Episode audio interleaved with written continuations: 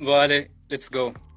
Aïcha, je suis vraiment très très content de, de t'avoir. C'est déjà un, un, vrai plaisir de faire le, l'épisode sur la, sur la sexualité, le plaisir euh, féminin avec toi, et notamment euh, et, et les, les, autres participantes aussi.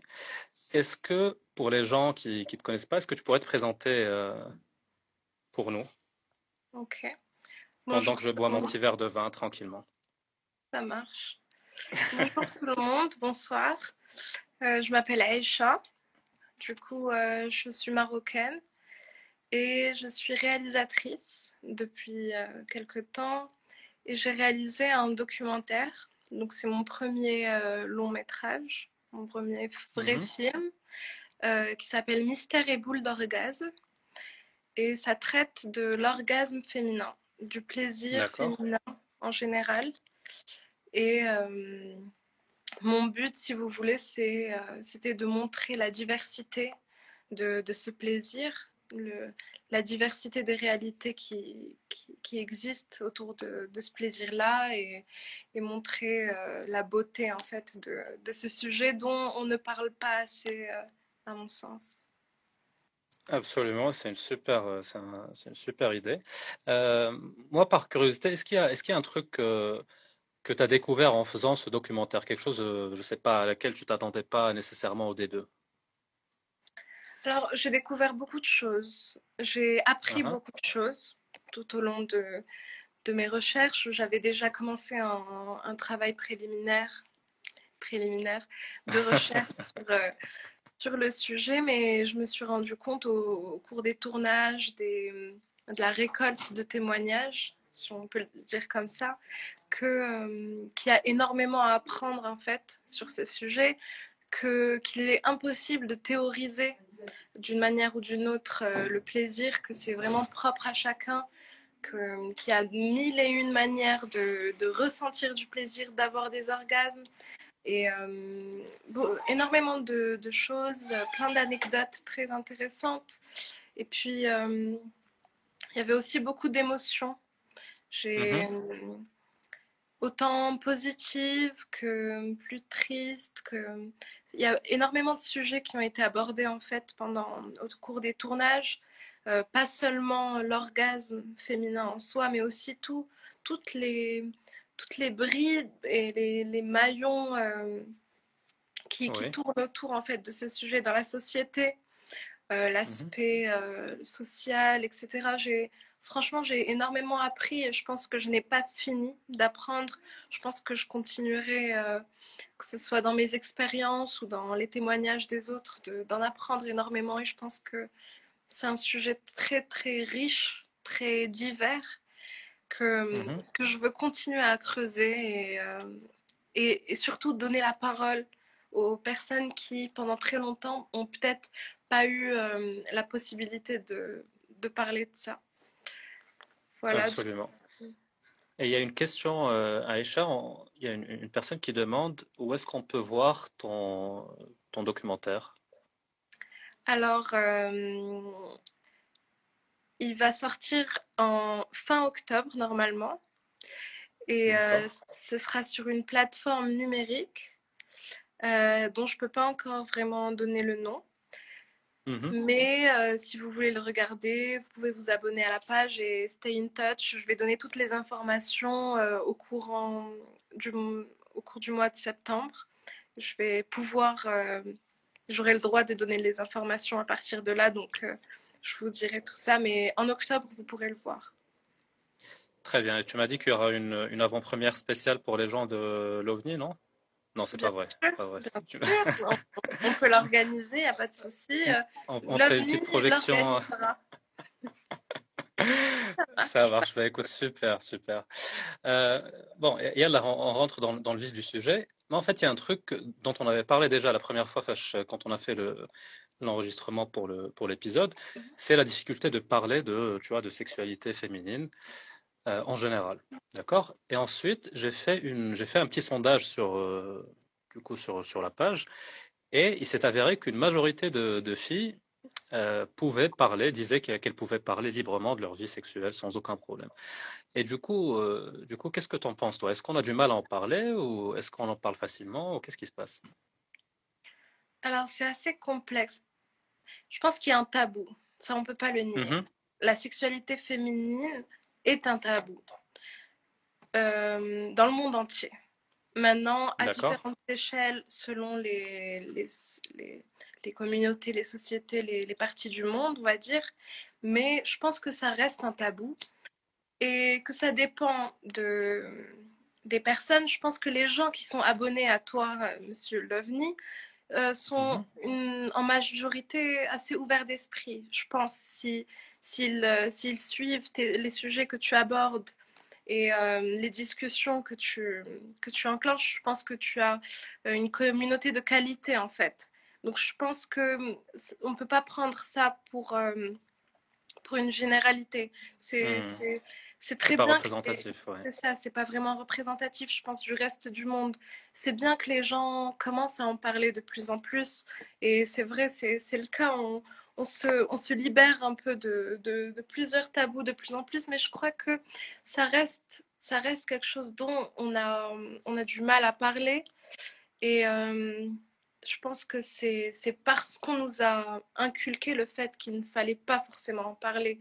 Nous, les, filles, les femmes, les, les petites filles, euh, le premier truc qu'on leur dit quand on est toute nue, euh, étant petite fille de 3-4 ans, c'est euh, alors ça, c'est ton jardin secret, il faut que tu le montres à personne, il faut jamais que tu, que tu le touches, que tu, que tu en parles en fait. C'est ça qu'on intègre, que c'est quelque mmh chose qui est intime qui est personnel, que, que du coup, on peut pas en parler librement. Mais, mais je pense que les, les, langues se, se, dénouent de plus en plus et c'est super positif. On a, on a de plus en plus de, ne serait-ce que les comptes Instagram qui en parlent. Et, euh, et je pense que c'est, c'est de plus en plus positif. Mais ça reste un tabou quand même. Absolument. J'ai posé la question euh, pour, pour, provoquer un petit peu. Je sais très bien que, que enfin, pour, pour avoir vécu euh, au Maroc, je sais très bien que c'est encore quelque chose de très, très difficile à, aborder, même entre, filles. Donc, pour les raisons que tu as, évoquées d'ailleurs. Hein. Et, euh, et, je voulais dire un truc, ou te poser une question plutôt. Il y, a, une différence entre le fait de dire que quelque chose est, intime et ce que je vois surtout, c'est quelque chose chaud, tu dont, on, doit culpabiliser ou dont on doit parler, parce que quelque chose peut être intime euh, sans que ça soit un, frein à ce qu'on puisse en parler entre nous euh, sans problème, tu vois. Et il y a aussi autre chose qui, qui peut-être sur un sujet qui, qui te tient à cœur, c'est euh, le rapport au corps, tu vois, c'est que je pense, hein, je suis pas une fille, donc je ne veux pas parler au, au nom de, Peut-être euh, dans une autre vie que c'est toi. Who, who, knows? Qui, qui, sait? De toute façon, euh, aujourd'hui, en 2020, euh, comme, comme disait Hamza lundi dernier, ces concepts peuvent se, se confondre. Mais en tout cas, ce que, ce que, ce que je remarque, c'est qu'on n'apprend pas, on n'apprend pas aux filles à, déjà d'une part à se découvrir. A dit c'est la première chose. Et la deuxième chose, c'est à, on va dire, à, accepter ou à aimer leur propre corps. Tu vois, qu'est-ce que qu'est-ce que tu en penses? Bah c'est, tout à fait vrai en fait. Nous, en tant que femmes, en tant que petites filles déjà, on ne nous donne pas les clés, les, euh, les, les, informations nécessaires. Les, on ne nous encourage pas à nous connaître, que ce soit nous euh, profondément à l'intérieur de nous ou notre corps uh-huh. non plus. Je pense que c'est. C'est. Pour parler du Maroc, par exemple, il y a beaucoup le, le côté. Euh, la femme euh, doit être prise en charge par l'homme, euh, pas, pas, que sexuellement, mais dans sa vie en général. Et, et du mhm. coup, on, on a l'impression aussi que c'est lui ou elle, du coup, mais dans notre communauté hétérocentrée que le Maroc, on va dire c'est lui, qui va nous faire découvrir ce qu'on aime. C'est lui qui va nous faire jouir, qui va nous faire plaisir, parce que c'est ce qu'on nous montre, parce que l'un ne va pas sans l'autre, parce que dans les films, dans le porno euh, hétérocentré, encore une fois, euh, une femme jouit grâce euh, à l'homme qui va la pénétrer très fort et, et lui donner des claques ou, ou peu importe. On ne mhm. nous dit pas que qu'on doit nous-mêmes nous toucher pour voir quels sont les onérogènes que l'on apprécie. Euh, je sais pas, quelque chose de tout bête, prendre un miroir et le mettre euh, Mhm. devant euh, notre vagin et juste voir à quoi ça ressemble réellement. Parce que nous-mêmes, Ouais. on ne peut pas vraiment voir ce qui se passe à l'intérieur. On peut voir que la surface et euh, tout ça, enfin, ce sont des choses qu'on n'a pas l'habitude de faire et qu'on n'a pas l'habitude d'inculquer à nos enfants aussi. Parce que euh, Ouais. même à l'école, on on nous apprend pas ça à l'école, qu'il faut, qu'il faut se découvrir, se connaître, parce que le plaisir n'est pas mis au premier, euh, au premier plan toujours. C'est Mhm. euh, c'est euh, d'abord tout ce qui est reproduction. On nous apprend qu'on doit se protéger. On nous apprend qu'on qu'on peut avoir faire des attention. que- Exactement, qu'on peut avoir des maladies, etc. Mais on nous apprend pas qu'on doit aimer ce qu'on fait, qu'on doit jouir, en fait. Ouais. doit- Et, et ça passe par la découverte de soi. En fait, si je pense personnellement que Mhm. qu'il y a beaucoup moins de chances d'arriver à l'orgasme, de connaître l'orgasme, si tu ne t'es pas connu toi-même. Après, euh, il y en a qui Mhm. ont beaucoup de chances de tomber sur des personnes qui leur permettent de, de se connaître, du coup, en, Ouais. en- en les aidant à aller vers ce chemin-là. Mais je pense que c'est très important de se connaître euh, soi-même avant de, de, de prétendre à une sexualité euh, épanouie. Vraiment. Ah oui, oui, absolument.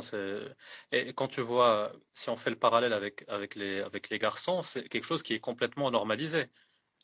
Il n'y a aucun tabou à, à parler de, je sais pas, de masturbation entre, entre mecs. C'est, c'est pas quelque chose dont on a honte de, de discuter et c'est un préalable qui, qui nous paraît euh, évident, tu vois, à une sexualité à deux ou là, à plusieurs pour les, pour les petits coquins. Mais en tout cas, c'est pas quelque chose dont on, dont on se cache. Et les petites Clairement. filles ou là, les jeunes filles, euh, contraire, euh, enfin, contrairement aux, aux mecs, ont beaucoup de, de mal à accepter ça. Il y a une notion de pureté aussi, je pense, qui, qui entre en jeu parce qu'une femme qui se, qui se touche ou là, qui, qui se découvre, euh, on va dire sexuellement, ça, je sais pas, elle perd une part. C'est sale, voilà, tu vois. Et comment, est-ce que tu, tu as des, tu as des pistes? Tu as parlé de, d'un truc qui est très intéressant, c'est de, de, ne serait-ce que de se regarder. Ça, c'est une, je pense, une très bonne, une très bonne recommandation. Est-ce que tu en as d'autres, si, je sais pas, si, qui te viennent comme ça à l'esprit? Commencer par, euh, euh, en tant que parent ou en tant que professeur, commencer par donner les informations aux filles, en fait, de ce qu'elles ont euh, comme appareil génital, comme, euh, comme, euh, comme sexe, en fait. Donner les informations et puis nous, en tant qu'enfants ou, ou adolescents ou préadolescents, que sais-je, se, se regarder. Donc, comme j'ai dit, prendre une glace, Mhm. euh, regarder ce qui se passe euh, dehors, à l'intérieur, autour. Essayer de toucher aussi et de voir les sensations que ça peut faire. Euh, ne pas se limiter en fait à un cadre dans lequel on nous met euh, à, à cause de toutes les influences extérieures, des productions culturelles, que ce soit les films ou autres. Aller en fait désapprendre Ouais. désapprendre pour apprendre en fait. C'est vraiment difficile parce que dans la société dans laquelle on vit, euh, les enfants et les jeunes en général sont beaucoup influencés par euh, tout ce qu'on voit, tout ce qu'on nous dit. Euh, les, les petites filles entendent souvent que se toucher le kiki, c'est très sale, alors que les Mhm. garçons, euh, les, les garçons s'en vantent parce que euh, c'est quelque Bien chose sûr. de, de, de- de normal. En fait, on a tellement normalisé ça pour euh, le sexe masculin euh, Mhm. qu'on n'a pas laissé de place euh, pour la femme et son, et son plaisir. Donc, donc oui, euh, se regarder, se toucher, apprendre, ben, apprendre à écouter son corps en fait. La méditation, aussi, c'est, ça peut beaucoup aider. Le fait de respirer, de se concentrer sur sa respiration et en fait de faire le vide, qu'il n'y ait plus rien du tout autour, qu'il n'y ait plus que toi avec toi-même, ton corps et tes sensations. Ça, je pense que ce serait un... pour les personnes qui, en tout cas, euh, ont un peu de mal à, à trouver leur plaisir, je pense que c'est un très bon exercice de euh, fermer les yeux et se concentrer sur sa respiration. Et à partir du moment où le vide est fait dans la tête, essayer de découvrir, d'explorer se toucher partout, mhm. Partout. Partout et voir, ça dépend des, personnes. Il y a des personnes qui peuvent jouir juste de, des seins, en fait, en touchant euh, des tétons. Et le téton peut amener à l'orgasme. Il y a, certaines personnes qui ont cette chance-là de, de, de, réussir à avoir des orgasmes juste comme ça. Donc, il ne faut pas se limiter. Comme, euh, a dit euh, ton ami, il faut être stupide. Non, il faut être soyez. Non, j'avais vu cette phrase. Ah, soyez, soyez ridicule. Ça, c'est incroyable, ouais. Il faut être ridicule. Parce, parce qu'en fait, ce n'est pas ridicule s'il n'y a personne autour de toi. C'est juste normal. C'est sûr, et même, j'irai encore plus loin, même dans un, même si euh, tu es avec ton partenaire, là, il n'y a aucun, il a aucun mal. Blacks, il faut, il faut arriver à se, à se défaire de, de cette pression, de, du regard en fait, du regard qu'on a sur nous-mêmes parce qu'il n'y a aucun mal, il n'y a que du plaisir qui peut, qui peut, bah, qui peut nous arriver, en fait. C'est facile à dire, mais pardon. C'est plus facile à dire qu'à faire pour euh, une femme parce que c'est sûr que avec toutes les injonctions qu'on a, tout, tout ce qu'on nous, tout ce qu'on voit, tout ce qu'on nous impose, comme euh, déjà juste les critères comme modèle, ouais les mmh. modèles. En général, on, est toujours là, nous, en tant que femmes, à se poser des questions quand on est avec euh, un homme qui, qu'on ne connaît pas forcément, même si on connaît bien la personne. On est toujours là à, réfléchir et, de quel point de vue, quel, est son point de vue sur moi, qu'est-ce qu'il regarde, est-ce que j'ai pas trop de dans cet angle-là, est-ce que j'ai pas trop de cellulite, est-ce que j'ai pas trop de poils? Et en fait, c'est ça, c'est le fait de réfléchir qui fait que on ne lâche pas prise et qu'on ne, on, ne se laisse pas juste aller dans notre plaisir mmh.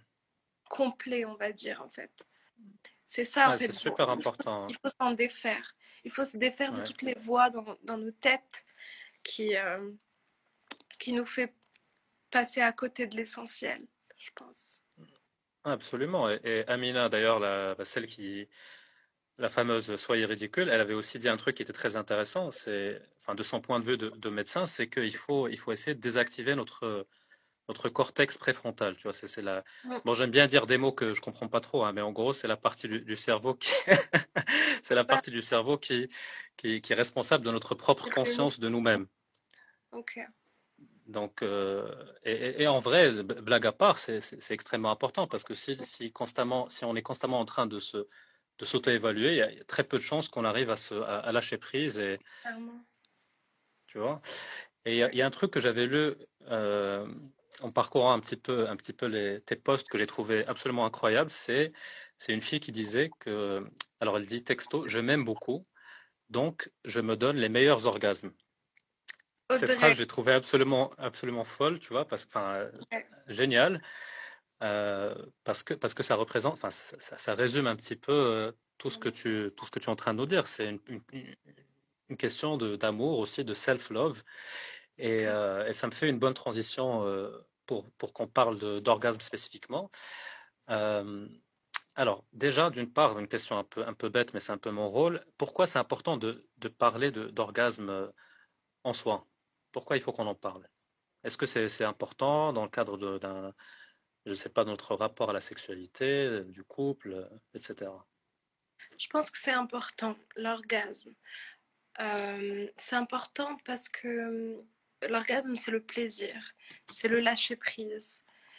que ça soit dans le cas de la sexualité ou autre, je pense que c'est important pour l'épanouissement personnel. Je pense que les, un être humain, X ou Y, passera une, une meilleure journée s'il si, a des orgasmes.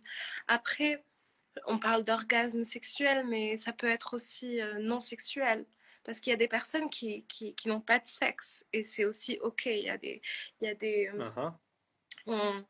ce n'est pas obligatoire non plus. Et il ne faut pas non plus tomber dans un, dans un cercle de pression inverse. En fait, on, on pourrait parler presque de de pression, euh, de discrimination. à l'orgasme, ouais, un truc comme ça. Exactement.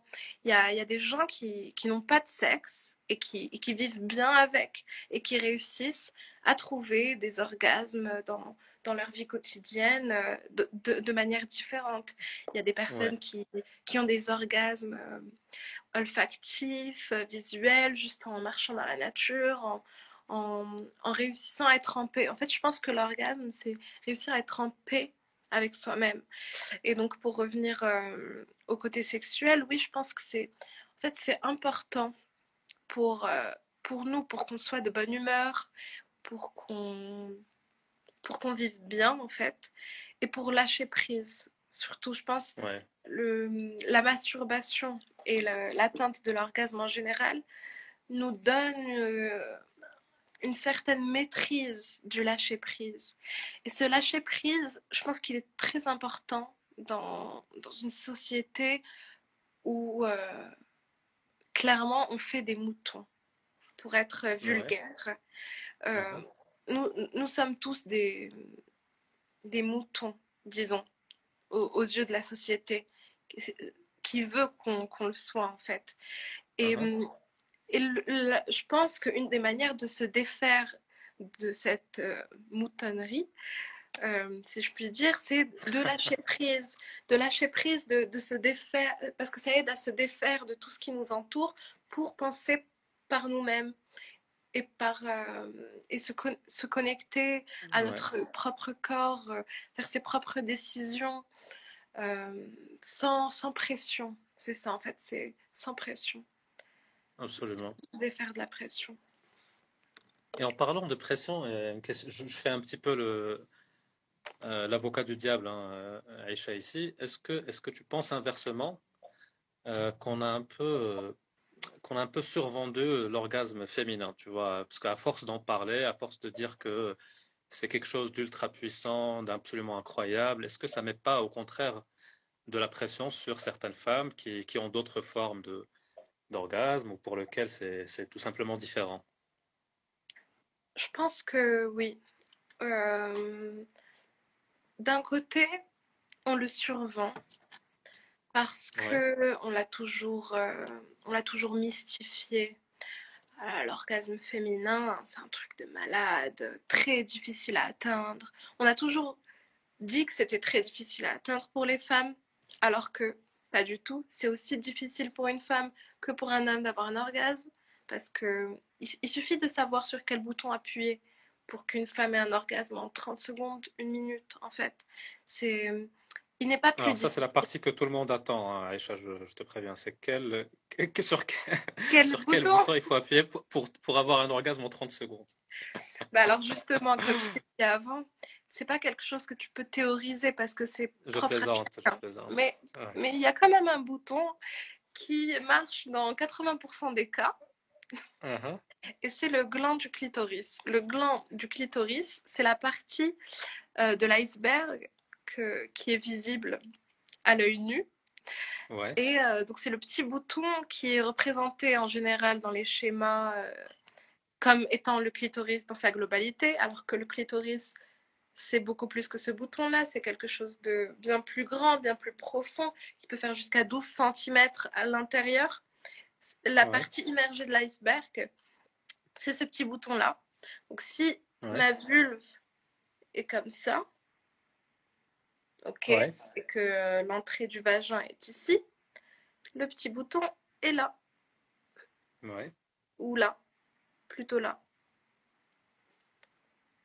Plutôt, si c'est ça, on va dire que c'est un truc ici. De toute Mhm. façon, c'est visible. hein, tu- Vous n'avez qu'à chercher, vous le trouverez, vous inquiétez pas. Ouais, tu dis de toute façon c'est visible, euh, c'est pas c'est pas le cas pour tout le monde. hein. Oui, oui, oui. Je, je parle pour des sont- amis, hein, je parle pas pour moi. C'est vrai. Certains sont encapuchonnés. Ouais. Il suffit juste euh, de le décapuchonner pour trouver vraiment, euh, vraiment où il est en fait. Mais Ouais. Même s'il n'est pas visible, quand tu touches, en fait, tu, tu peux, tu peux le trouver, tu peux le sentir en fait. Tu vois ce que je veux dire? Ouais. Il faut juste chercher. Il y a aussi il y a aussi une bien sûr Et, pour les mecs, hein, j'espère que vous prenez des notes, hein, les gars, parce que la Suisse, c'est hyper intéressant ce qu'il est en train de les Les gars ou les filles aussi. Hein, ou les filles, mais, mais aussi, je, parle aussi, enfin, je parle surtout aux mecs là.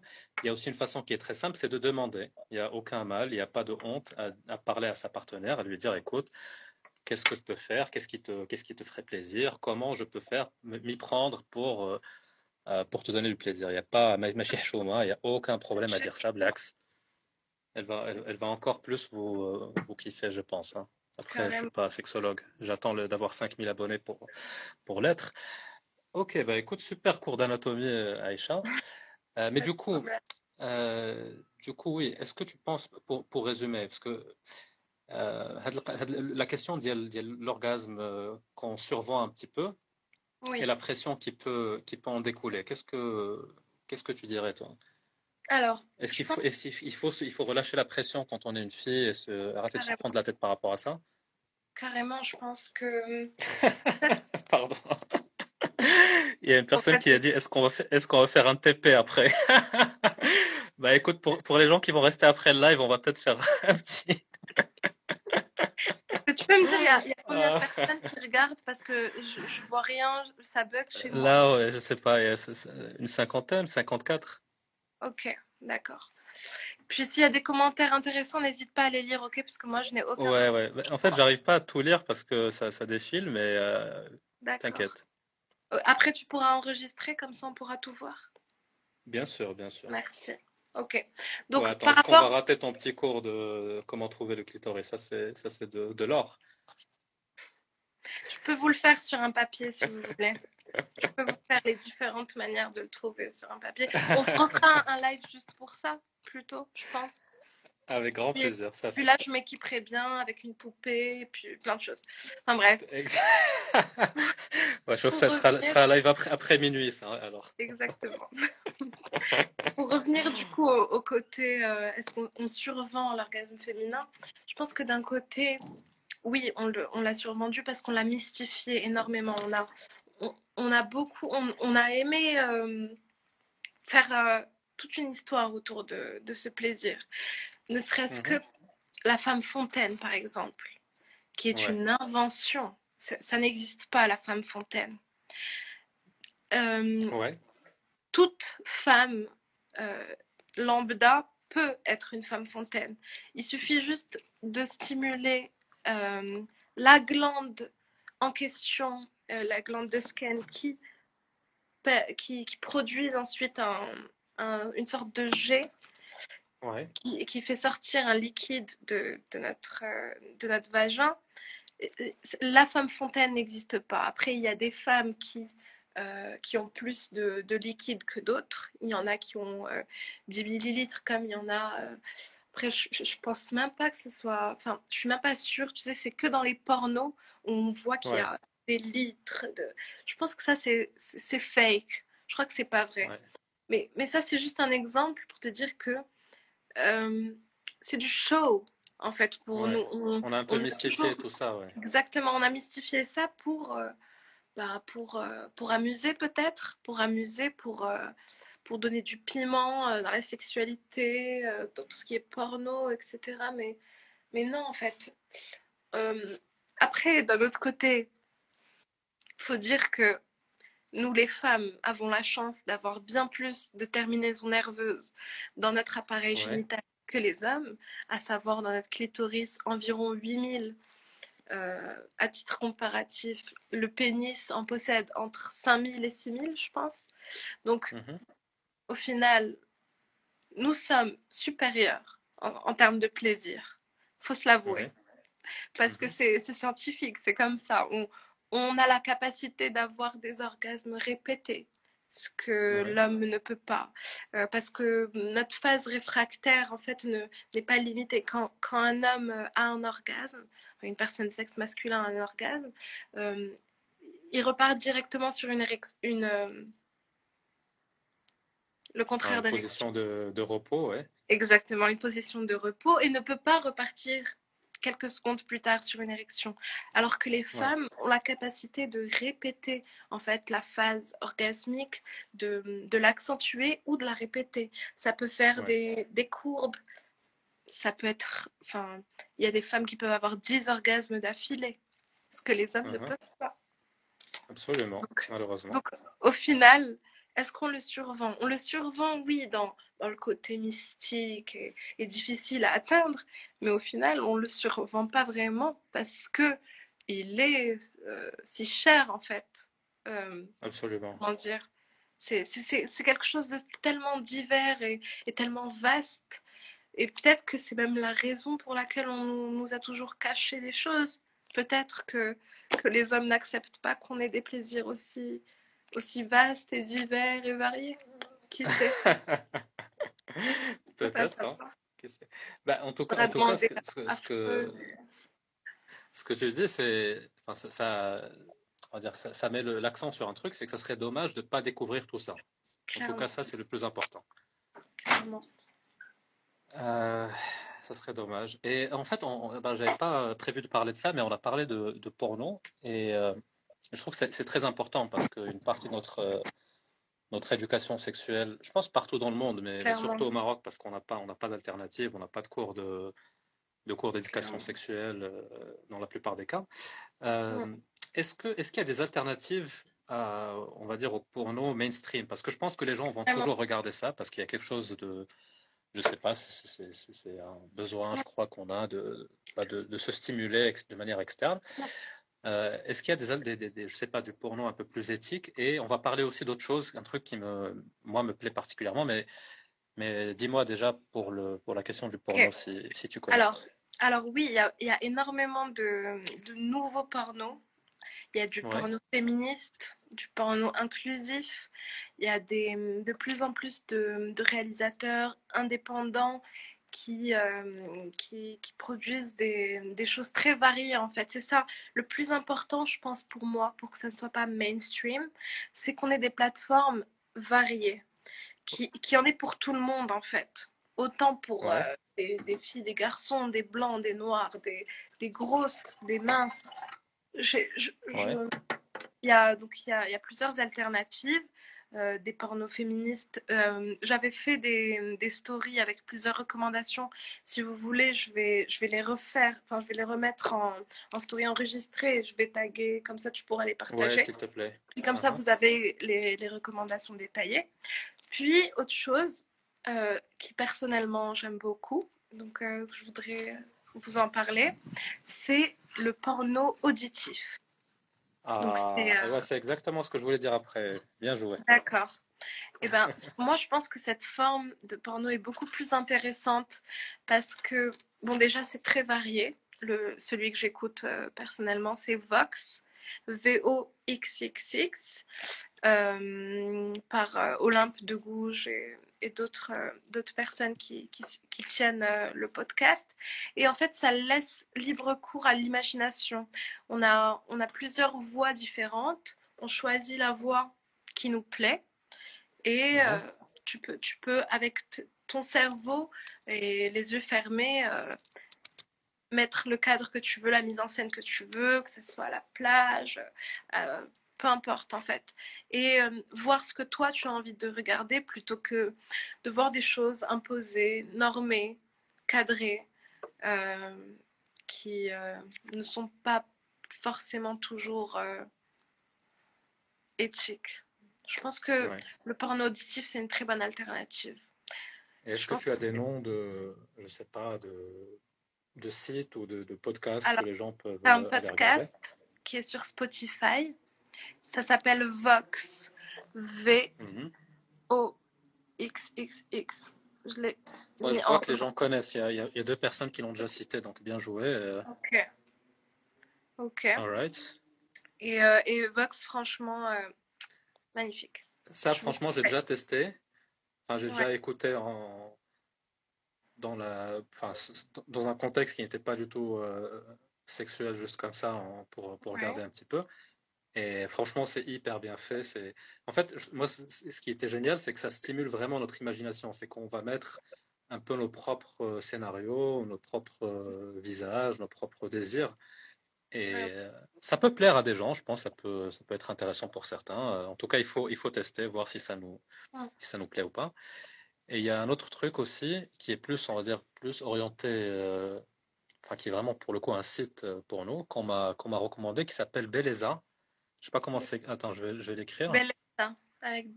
Ouais. Je pense que et ça, ça c'est pas mal aussi. Hein. Ouais. C'est sympa. Après, à voir, parce que je me rappelle que je l'avais mis en recommandation en story. Et il y avait quelqu'un qui m'avait fait un warning en DM en me disant qu'il faut faire attention avec ce site parce que euh, parce qu'apparemment euh, il y, a des, des vols de, de contenu. Ah oui. il y a des contenus d'autres personnes qui sont prises par le site et qui. Enfin, en tout cas, il faut vérifier l'éthiqueness de, de ce site. Mais, mais en tout cas, euh, en termes d'éducation, etc., je pense que c'est, c'est toujours mieux que, que de regarder Pornhub ou, ou YouPorn ou que sais-je. Ce genre de merde. Et il y a Boutaina qui, qui nous parle aussi des livres. Alors ça, c'est, aussi très intéressant. Je pense que c'est beaucoup plus vieux que le porno lui-même. Carrément. S'il y a des gens qui ont des recommandations, n'hésitez pas à les partager euh, avec nous. Moi, je t'avoue que je suis pas, enfin, jamais vraiment des, essayé. Des vraies recommandations, pas du Fifty Shades of. Euh, la, littérature. Je, suis preneuse aussi si, si, vous avez de la bonne littérature érotique euh, à conseiller. Après, il y a aussi beaucoup de, de sortes de manuels euh, qui sont très intéressants pour les jeunes filles, par exemple. Ça, c'est sûr que j'en achèterai pour mes enfants si jamais j'en ai euh, un jour. C'est des, petits manuels d'éducation sexuelle personnelle avec des, mm, de sortes de, de TP, de, de, choses. Euh, on, nous, on, nous, on nous dirige, on nous guide vers la découverte. Et ça, c'est super intéressant, je pense. Il y en a plusieurs je mettrai les noms, euh, je mettrai les noms en story pour qui ça intéresse. Et alors, apparemment, il y a même des bandes dessinées. Alors ça, on en découvre, euh, on découvre des trucs tous les jours. Alors Lily Son, euh, c'est une super autrice de bande dessinée. Ah oui?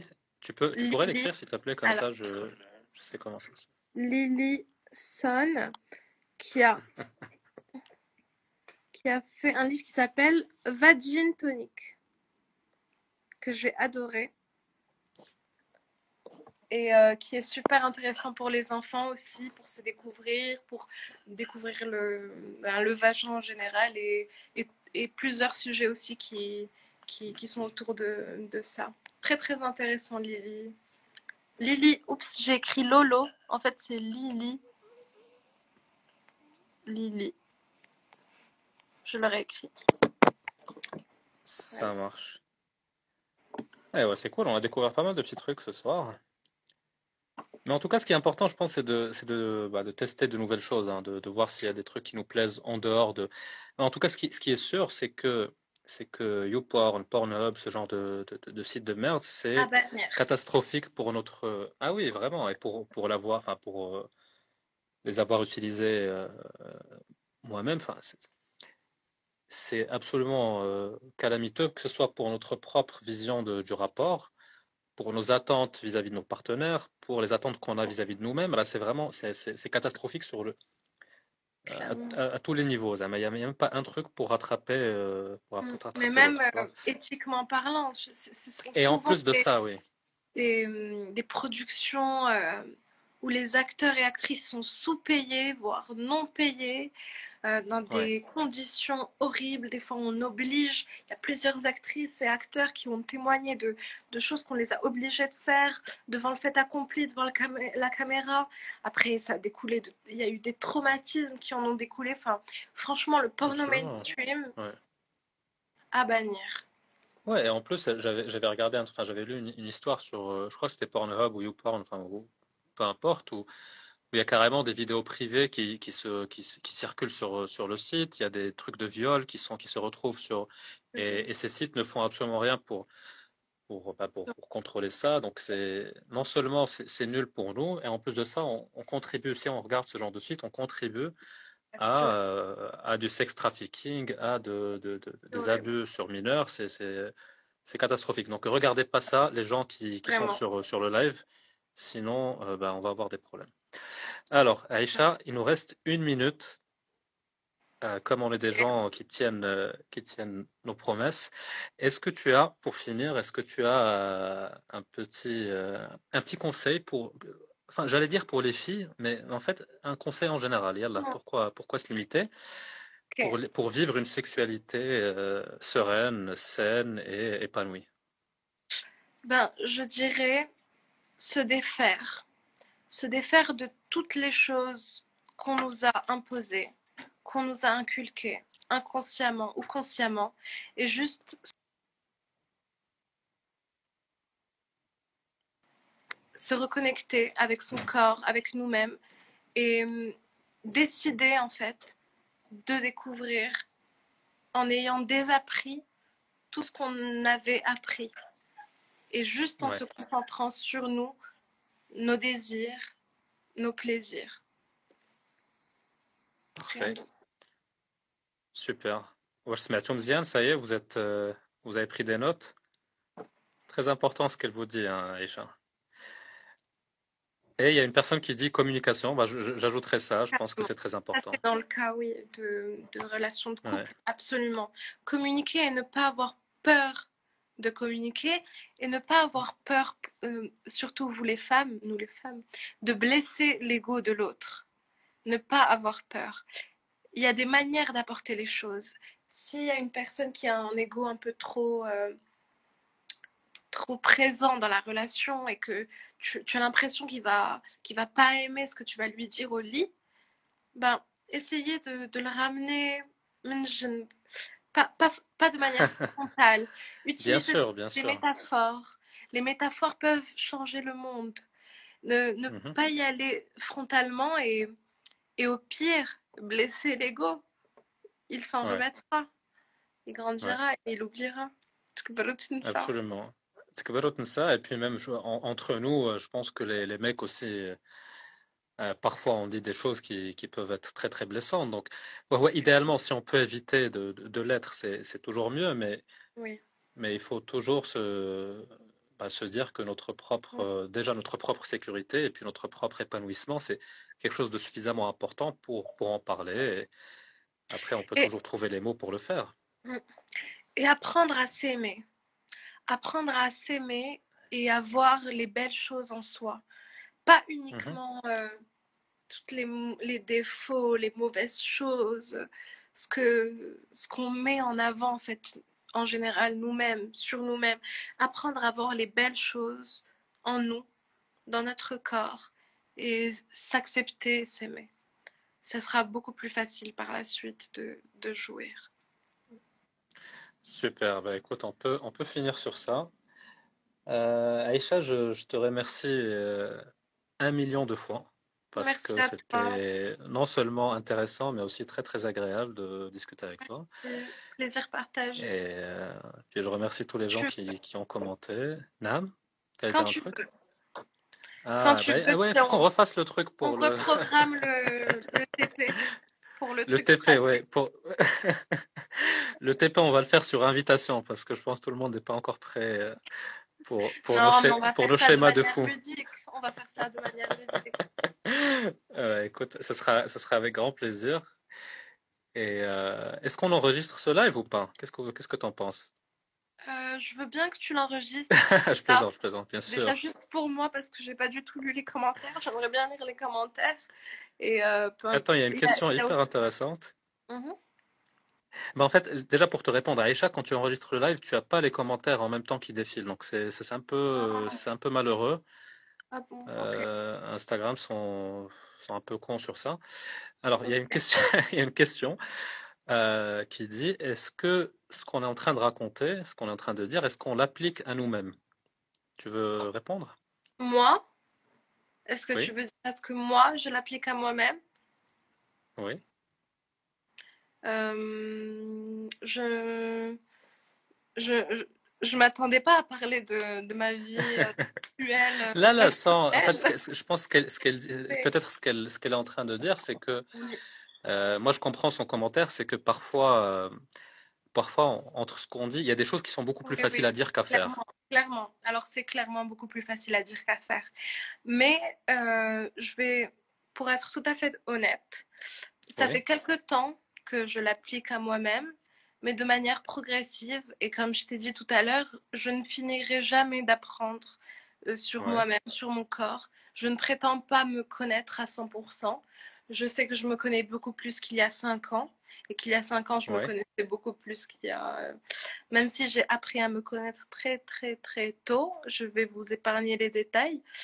Euh, mais, euh, mais oui, je, je, suis toujours en. D'un côté en déconstruction progressive et d'un autre côté en construction progressive de, de ma propre connaissance de, de moi-même et, et aussi mon amour de moi-même qui n'est pas, qui n'est pas complet, mais qui le sera un jour, euh. Bien sûr, oui.